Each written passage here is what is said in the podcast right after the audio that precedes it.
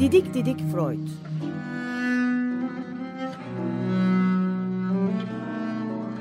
Freud'un ailevi ve tarihi romanı.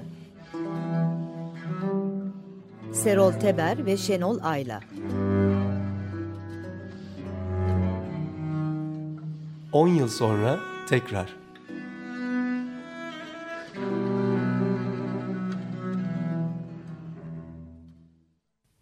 ...94.9 Açık Radyo'da Didik Didik Freud programındayız. Merhaba ben Şenol Ayla. Merhaba ben Serol Teber. Ee, bugün Freud'un eğitimini didikleyeceğiz. Freud'un eğitimi nasıldı? Freud oldukça çalışkan bir talebeydi öncelikle. Ama ilk okulu, ilk öğrenim dilimini e, Freud evinde babasıyla birlikte hazırlanır ve bitirir. Bu çok önemlidir. Altı çizilmesi gereken bir noktadır. Neden? Çünkü e, babası o zaman modern e, bir Tevrat basımı olan ve dinler tarihi niteliğinde yazılan Philips'in e, Tevrat'ı üzerinden Freud'a Mısır ve dinler tarihini öğretir. Eski firavunlar tarihini öğretir ve burada e, pek çok gravür vardır. E, e, küçük çocuk Freud babasıyla birlikte bu Mısır firavunlarını, Mısır e, saraylarını, yapıtlarını e, hem resminden hem öykülerinden okuyarak e, hazırlanır ilkokula ve sonra ileride yaşam öyküsünü yazarken Freud der ki babamla birlikte bu Philips'in Tevrat'ını okuduğum zaman benim geleceğimin ana hatları aşağı yukarı belirlenmişti. Arkeolojiye, tarihe, e, eleştirel yaklaşım e, ve büyük bir tutku Freud'da o zamanlardan ortaya çıkar. Sonra lise dönemine başlar. Lise dönemi e, büyük bir şans diyelim. E, modern lise eğitiminin Almanya ve Almanca konuşan ülkelerde benimsendiği bir dönemdir. Şöyle ki e, 1848 devrimler dönemi artık e, Avrupa kıtasını daha başka türlü düşünmeye ve eğitime daha başka türlü yaklaşmaya itelemiştir. Hızla Almanya e, bu devrime uygun olarak yeni bir program hazırlar. Eğitim programı hazırlar. Burada amaç antik çağlar kültürünü gençlere çok iyi özümsetmektir. Bunun içinde e, moto, temel moto e, gençlerin Homeros'u, Sofok, Sofokles'i ve Virgilius'u kendi dillerinden okuyabilmeleridir. Burada benim elimde Freud'un okum lisede okuduğu ders saatleri var. Evet onlar çok ilginç Ee, çünkü Alman lisesi gibi değil değil mi? Almanca Evet, dışında e, evet, çok daha fazla antik başka şeyler var. kültürüne çok büyük ağırlık veriyor. Örneğin 26 saat Almanca okumasına karşılık 50 saat Latince, 28 saat Grekçe, 27 saat sa- antik çağlar tarihi okutulmaktadır bu liselerde. Evet. Ve burada Freud'un e, Sofokles'ten yaptığı çeviriler var elimizde 23 dize. Oydup, e, Kral Oidipus'tan 23 dize Grekçeden Almanca'ya çevirmiştir. Ve bugün e, Grekçe uzmanları bile onun yaptığı çevirilerde önemli bir hata bulamamaktadırlar. Freud'un yabancı denli- dillere karşı Evet çok büyük bir Yeteneği var yeteneği yani. var. Almanca dışında Fransızcayı çok iyi biliyor. Latinceyi çok iyi biliyor. İngilizce inanılmayacak kadar iyi biliyor ve inanılmayacak kadar bir Shakespeare hayranı. Tabii bu antik çağlar kültürü Latince, antik Grekçe bilmeleri bu dönemin gençleri arasında özellikle parlak öğrencileri arasında önemli ikilemlerin, psikik ikilemlerin ortaya çıkmasına neden oluyor.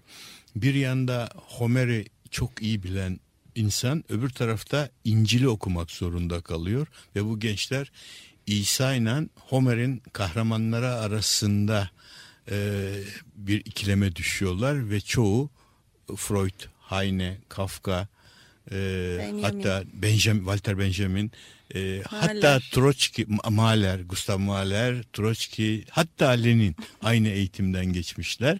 Ve bunların çoğu Homer kahramanlarıyla İsa arasında ikilemde kalınca çoğunlukla Homer'i seçiyorlar.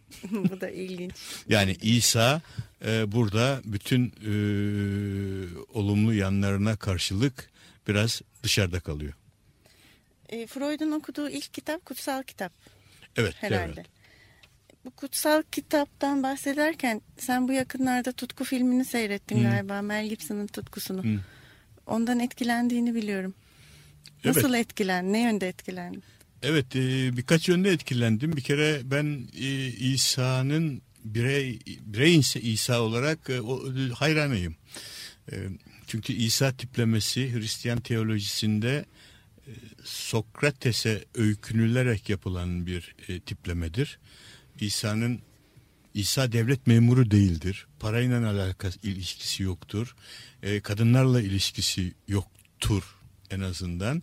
Bir, bir, e, yalnayak, e, başı kabak gezen bir insandır. E, ama bu filmdeki işkence sahnesini e, bence biraz e, sanat hatası olarak çok fazla uzattıkları kanısındayım. Yani gereğinden fazla uzatılmış. E, bir 15 dakika eksik e, az yapsalardı zannediyorum film daha da vurgulu olacaktı, daha etkili olacaktı. Ben seyretmedim henüz ama birçok Ya- eleştirmen de seninle Evet, aynı görüşte yani sanırım. kaş yapayım derken e, göz çıkarmış e, kanısındayım e, rejisör. E, burada İsa'ya gelmişken e, Freud'un yaklaşımını e, İsa'yı nasıl algılıyor ilerideki e, saatlerde tekrar konuşacağız ama bu, tartışa söyleyebiliriz, anımsatabiliriz. Evet. Freud'un kanısına göre gerçekten de bu filmde olduğu gibi İsa e, diğer insanların günahını omuzlamak için kendisini kurban eder. Freud da bunu altını böyle çizmiştir. Ama e, e, acaba gerçekten bu böyle midir? Buna eleştirel yaklaşanlar da var. Örneğin Lacan okulu zaten Freud'un her söylediğinin tersini söylemekle gibi bir üne sahiptir. Evet. Burada oldukça çarpıcı ve güzel e, e, tespitler de yapılmaktadır ama e, şöyle derler e, örneğin Sisak e, Lakan okulundan e, İsa gerçekten insan oğullarının insanların günahlarının kefaletini ödemek için mi e, kendini kurban etmiştir yoksa e, babasının beceriksizliğini e, elini e, son derece başarısız bir dünya yaratmasını, insanların bu kadar acı çekmesine sebep olmasını affetmek için yani babası adına mı kendisini kurban ettiği biraz tartışmalıdır. Lacan da böyle. Lakancılar da en azından böyle düşünüyor. Ama burada e, ben Van Gogh'un bir mektubunu anımsatmak istiyorum ya da yazısını anımsatmak istiyorum. O da bizi şöyle uyarır Van Gogh. E, bu dünyaya bakaraktan Tanrı hakkında karar vermeyebiliriz. Belki de der e, Tanrı ileride yapacağı daha e, güzel bir dünya için bu ilk desen denemesiydi. Çok güzel o halde bir müzik dinleyelim mi? Peki. E, Sting'den e, bir parça dinliyoruz. Sen Anne and the Burning Train.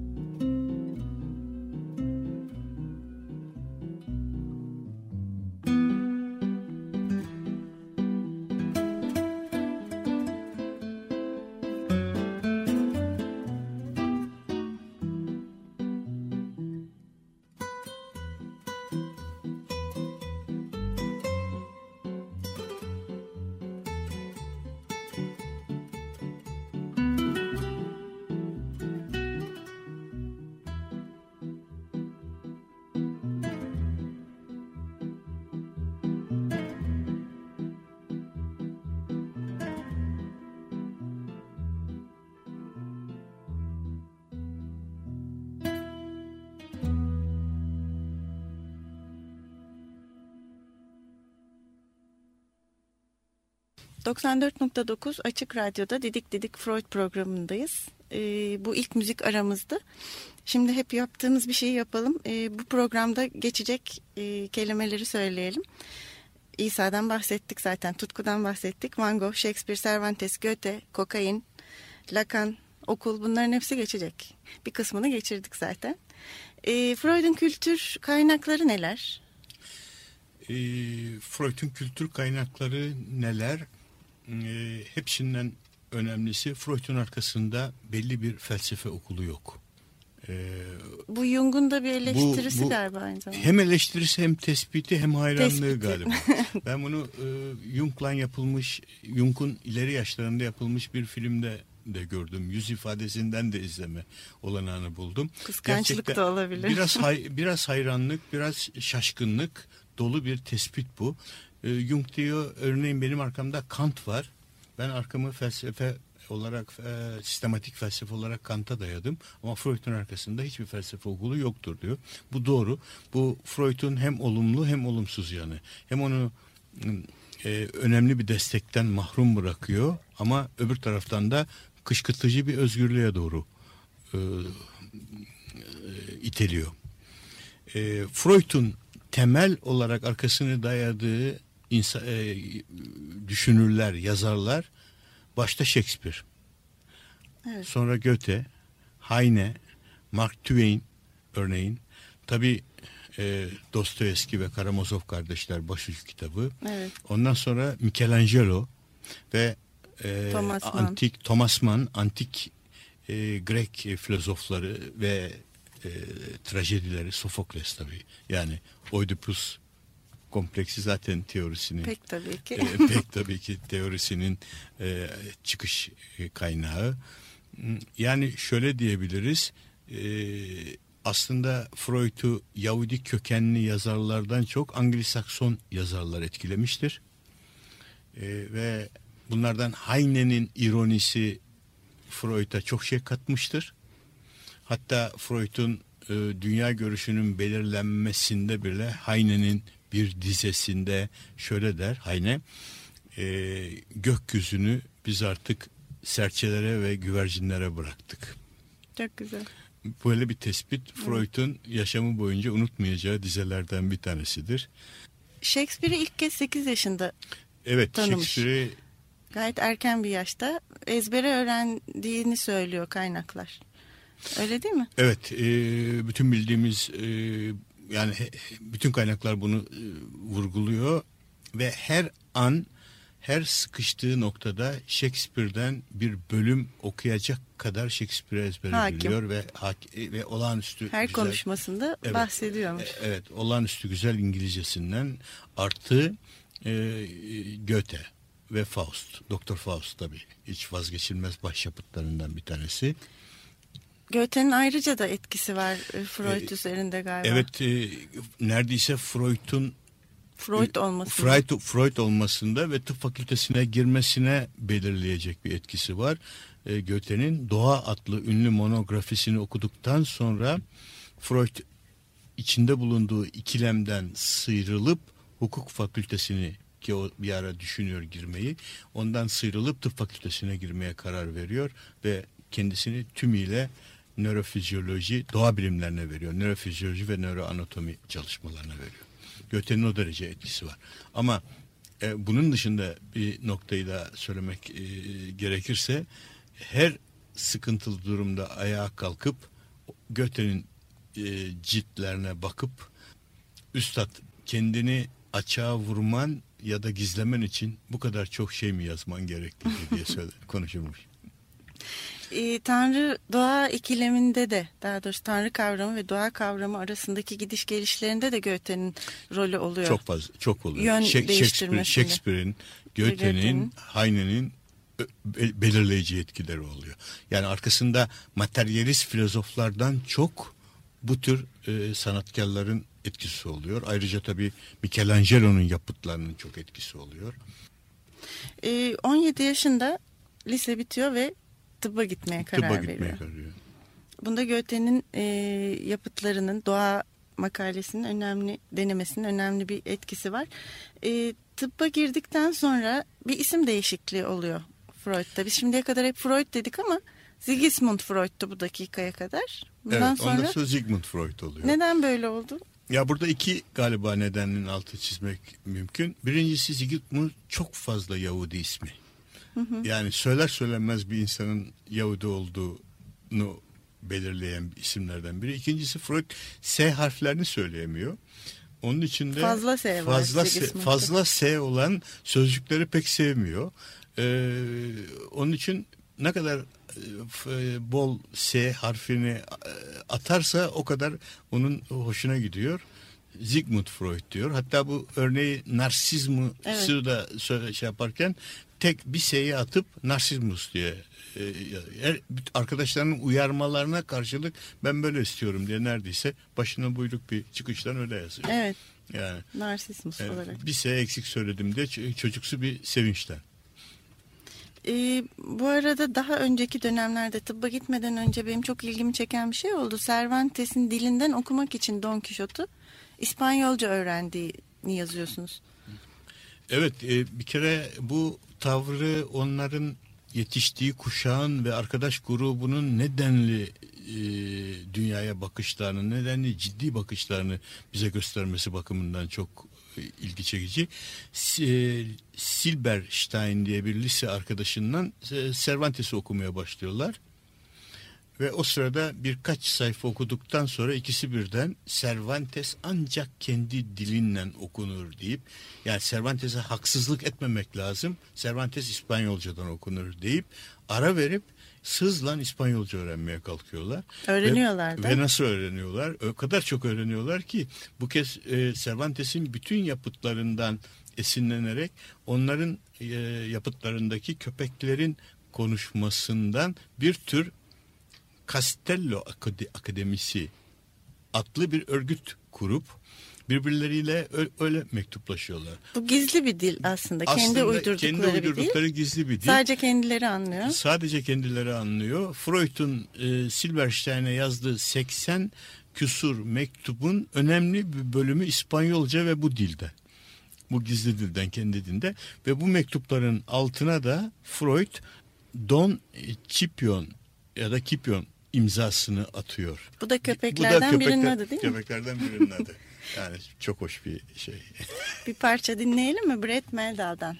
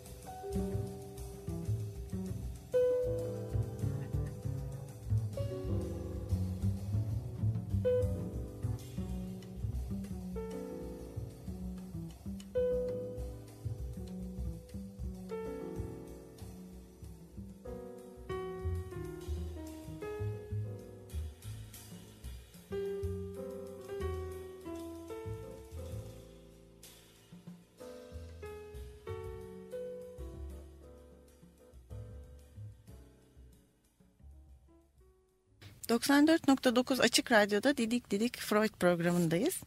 E, tıpta bırakmıştık Freud'u. Tıpta neler oldu tıp fakültesinde? E, e, çok yoğun ve çok şanslı bir tıp eğitimi süreci geçirdi geçirdi Freud.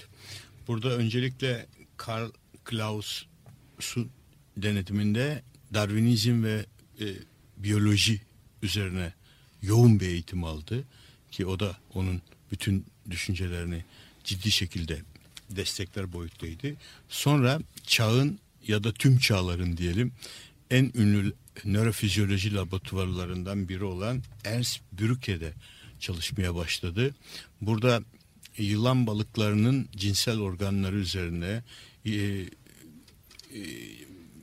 beyin hücresi, sinir hücrelerinin işleyişi üzerine çok ciddi araştırmalarda bulundu ve yaşamı boyunca unutmadığı kendisi için bir Mekke düzeyinde kendi tabiriyle hayatımın Mekke'si Brücke'nin laboratuvarıydı diye söyler. Oradan ayrılmak istememiştir ve oradaki çalışmalarını uzatmak için de tıp fakültesindeki normal eğitim süresini çok uzatmıştır. Bitirmeyip? Bitirmeyip uzatmıştır ki o havayı, o kutsal e, bilim ortamını e, daha fazla solusun diye. Peki daha sonra bu laboratuvardan niye çıktı? Ee, Kliniğe döndü. Ya bir olasılık derler e, ekonomik nedenlerden dolayı laboratuvardan ayrılmak zorunda kaldı. Ama bunun yanında acaba e, Yahudi olduğu için e, klinikten çıkarılması da söz, mümkün. da mümkün söz konusu olabilir mi? Diye insanın içine bir kuşku düşüyor. Çünkü o zamanlar Viyana'da e, ciddi bir antisemitizm dalgası başlamış, başla, durumda. başlamış oluyor. Peki e, Freud'un bilimsel araştırmaları arasında önemli bir e, adım var. Kokain. Hı hı. Ne diyebiliriz kokainle ilgili? Kokain ve Freud. Kokain ve Freud tabii e, Freud e, ciltlerinin içinde başlı başına bir cilt. E, ayrı bir kitap halinde yayınlanan, yayınlanacak derecede önemli bir yer tutuyor. Hmm, e, Freud kokainle e, genç yaşlarında bir yer bir anlamda tanışıyor diyelim. Bizzat tanışıyor. Bizzat tanışıyor. Freud kokain kullanıyor. Hı hı. Ve hatta uzunca bir süre kokain kullanıyor. Kokainin antidepresif yanını e, çok önemsiyor ve kendisinin içinde bulunduğu depresif ve nevrastenik bazı belirtilerin kokainin etkisiyle geçtiğini e, hatta e, afro, kokainin afrodizyak etkisi kendisinin pek de güçlü olmayan cinsel e, bazı e, duygularını kamçıladığını duyumsuyor. Nişanlısına yazdığı mektuplarda bunu sık sık e, bundan sık sık söz ediyor. E, buluştuğumuz zaman göreceksin bu ufak tefek adamın nelere kadir olduğunu. Çünkü kanımda Arkamda ko- kokain, kokain var, diye yazıyor. Ve e, önemli e, konuşmalarda e, başlamadan evvel kitle karşısına çıkmadan evvel e, çok kez kokain aldığı 40-45 yaşlarına kadar kokain aldığını kendisi söylüyor biliyoruz Peki bunu. bir doktor olarak hekim olarak ee, sana sorarsam kokain nasıl etkileri olan bir şey bilirsek ya, devamını daha kolay belki Peki anlarız. yani e, kokain e, klasik tıp tarihine 1884'lerde geçmeye başlıyor ama kokainin ya da koko bitkisinin yapraklarının e, böyle ne diyeyim kutsal etkisi neredeyse Maya uygarlığına kadar gidiyor. E, çok eski dönemlere kadar, yüzlerce binlerce yıl eskilere kadar gidiyor.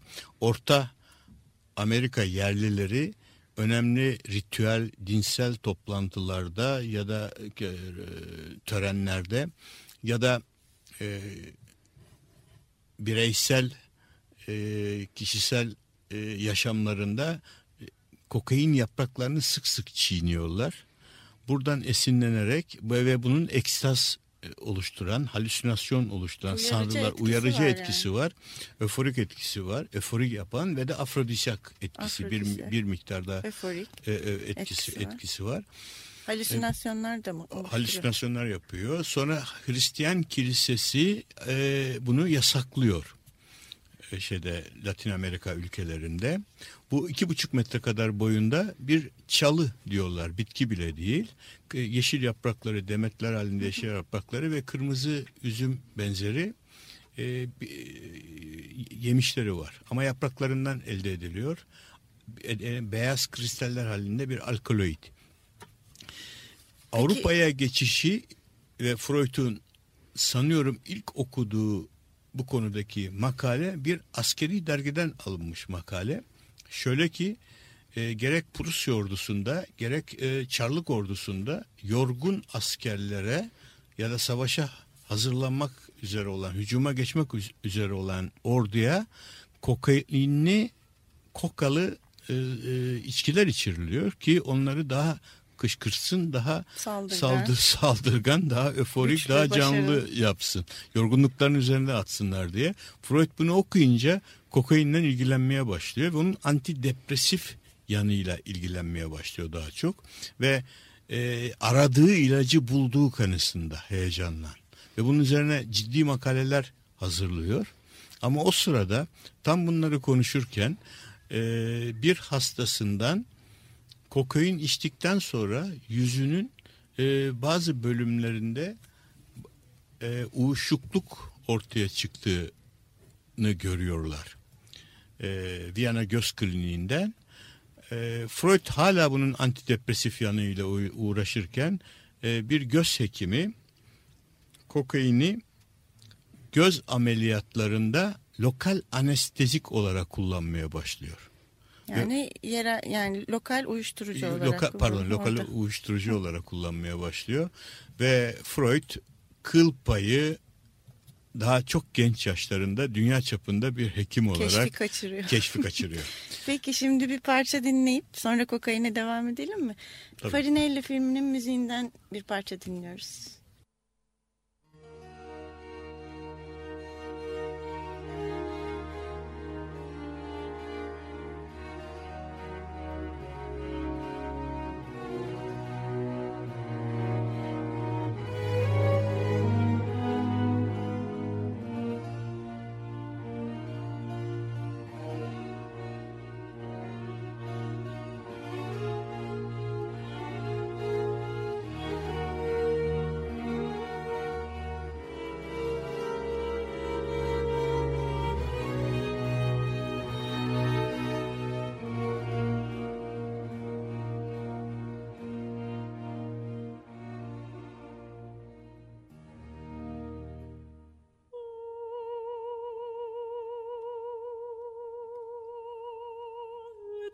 joy.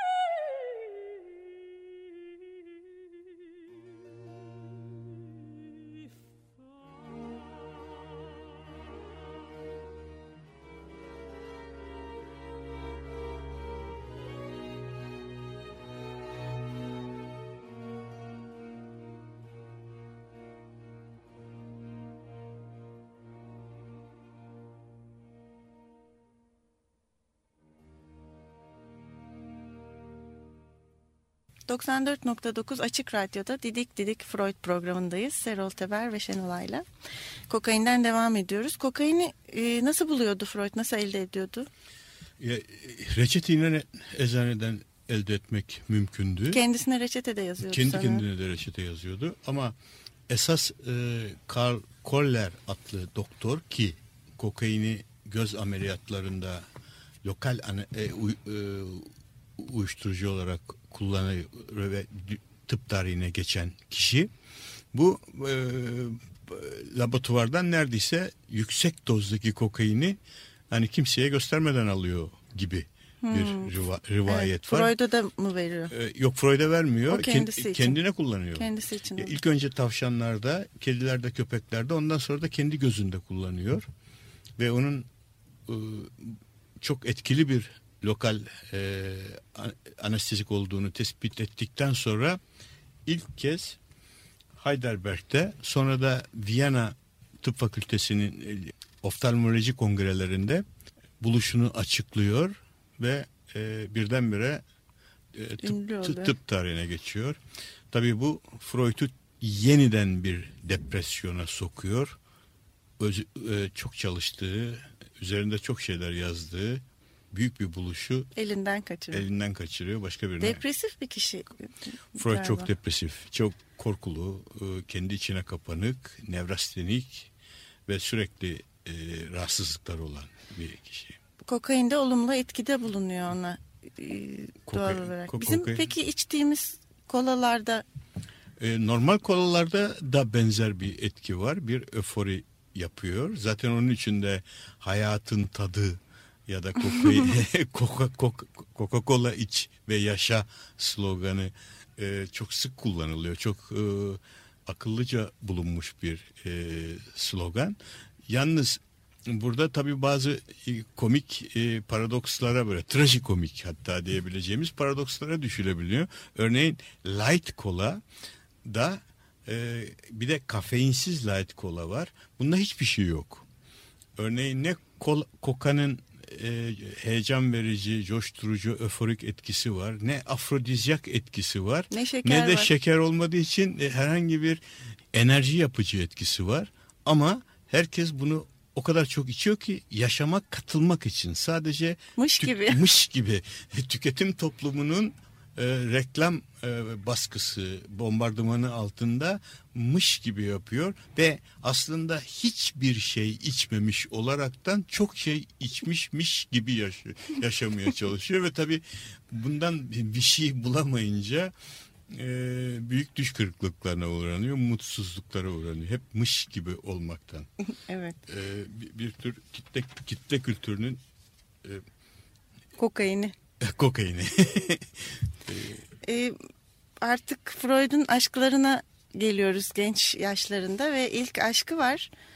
E, onunla beraber olamıyor ama önemli Evet. bir yeri de var hayatında. Evet, Freiberg'e gidiyor 17 yaşındayken Freud ilk kez doğduğu kente ve arkadaşlarının, ahbaplarının genç kızı Gisela'yla, Gisela Flus'la karşılaşıyor.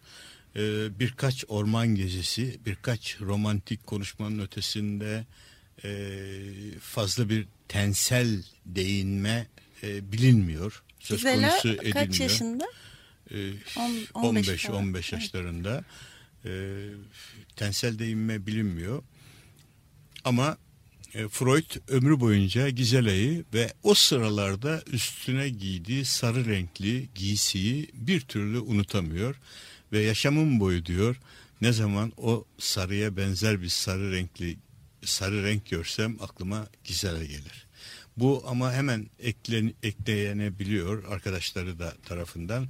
Bu sadece Gisela'yı çağrıştırmak değil ayrıca onun ilk doğduğu e, bölgeyi Freiberg'i doğum yerini bir ana yurdunu çağrıştırmayı da birlikte getiriyor.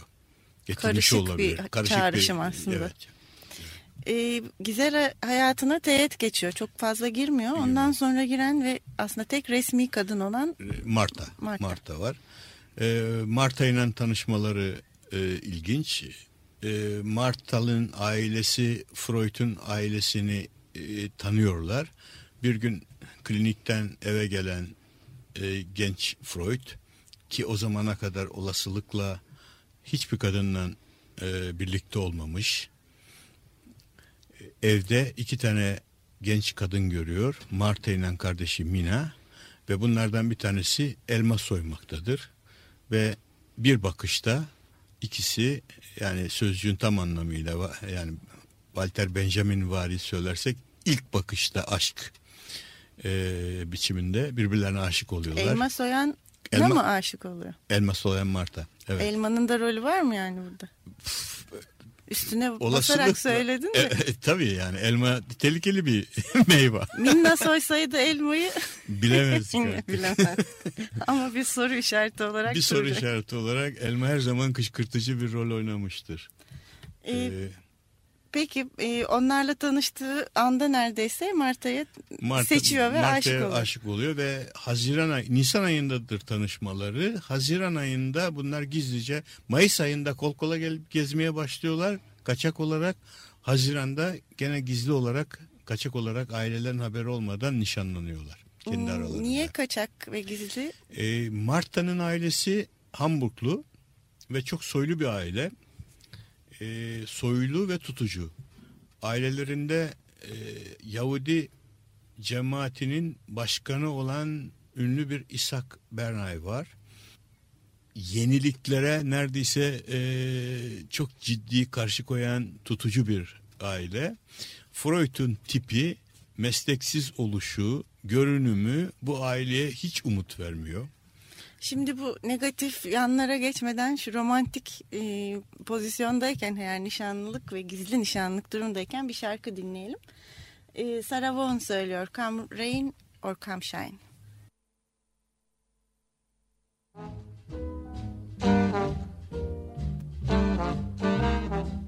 Can't get out of this mood Can't get over this feeling get out of this mood.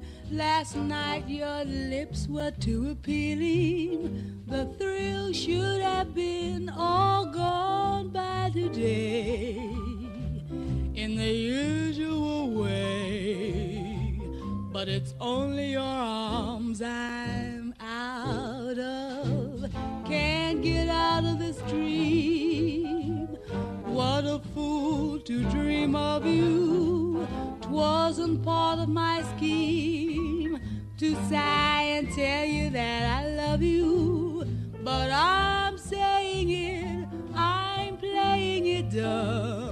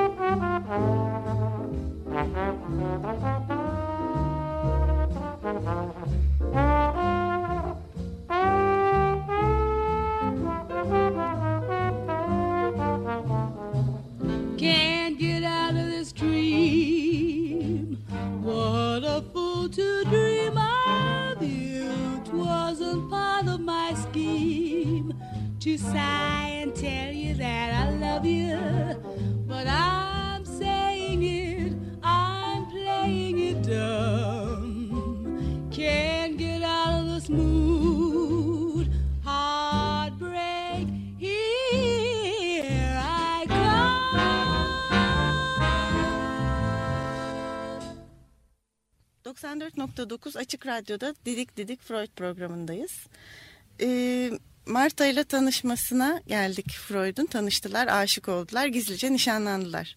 Ee, ailenin Freud'a bakışı nasıl? Ailenin Freud'a bakışı e, tek e, cümleyle söylersek çok kötü. Hiçbir zaman benimsemiyorlar Freud'u. Aile çok soylu, e, çok zengin, çok varsıl. E, ayrıca Freud'ların aile, e, ailesini oldukça yoksul ve e, mütevazi buluyorlar. Kendileriyle aynı ölçüde olmadığını görüyorlar. E, Marta'nın ailesi içinde e, birkaç tane çok ciddi bilim adamı var. Bir tanesi bir e, yakını e, Shakespeare uzmanı, bir yakını e, Faust, doktor, doktor Faust Goethe uzmanı. E, bu kapasitede insanlar var. Dünya çapında ün yapmış insanlar var. Ayrıca ailenin bir kolu üzerinden de gene Heine'yle akrabalıkları var. Bu kapsamda bir aile. E, ve bu sırada e, Freud e, oldukça güçsüz, beceriksiz, e, çarpıcı olmayan bir kişilik. Özelliksiz. Hiçbir özelliği olmayan bir kişilik. Ama ma, özellikle Marta'nın Hamburg'a gitmesinden sonra başlayan bir mektuplaşma dönemi var. Bu dünya tarihinde neredeyse başlı başına bir e, bölüm, kapital. E, Freud'un yüzlerce ve binlerce mektubu var Marta'ya yazdığı. Birkaç kez sansürden geçip e, yakılmış olmasına rağmen bugün bile elimizde 800'ün üzerinde belki binin üzerinde mektup var. Yakan kendisi Yakan kendisi. kısmen. Kısmen kendisi. E, birlikte bir, kısmını birlikte karar veriyorlar Marta ile birlikte. Bu mektupları okuduğumuz zaman e, tabii başlı başına bir e, çalışma kaynağı olabilir. Freud e, bir yanıyla son derece e, tutkulu, sırılsıklam aşık bir delikanlı. Öbür yanıyla da anlaşılması kolay olmayan bir şekilde dolaylı yollardan Marta'yı tutsak etmeye çalışan devamlı yani kurt masalı anlatıyor diyeceğimiz bir ağ kuruyor. Görünmeyen bir ağ kuruyor Marta'nın etrafında. Ee, bir yandan onun e, özgürleşmesi, bağımsızlaşması, e, çağın kültürel düzeyine ulaşmasını sağlayacak olanakları yaratacağını vaat ederken öbür taraftan da ona sürekli olarak evinin kadını olması, çocuklarının annesi olması, kocasının sadık eşi olmasını sağlık veriyor. E, ve sonunda e, Marta bunu ilk baştaki mektuplardan bile anlamasına rağmen sonunda Freud bu komplosundan bu komplosunda başarılı oluyor. Ve Marta da kendisine biçilen e, ne diyeyim e, tarihsel e, rolü üstleniyor. E, bu evliliğe bir sonraki programımızda döneceğiz. Şimdi e, ikinci programımızı kapatırken Bach dinleyelim isterseniz. Haftaya buluşmak üzere. E, Bach'ın keman ve oboa için Re minör konçertosundan Adagio ile hoşçakalın.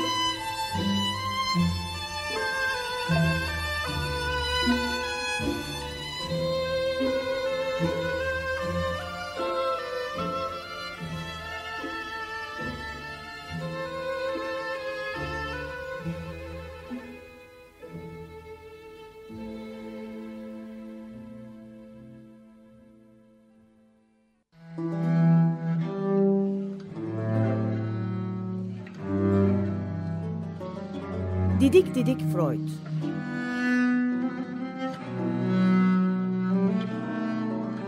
Freud'un ailevi ve tarihi romanı. Serol Teber ve Şenol Ayla. 10 yıl sonra tekrar.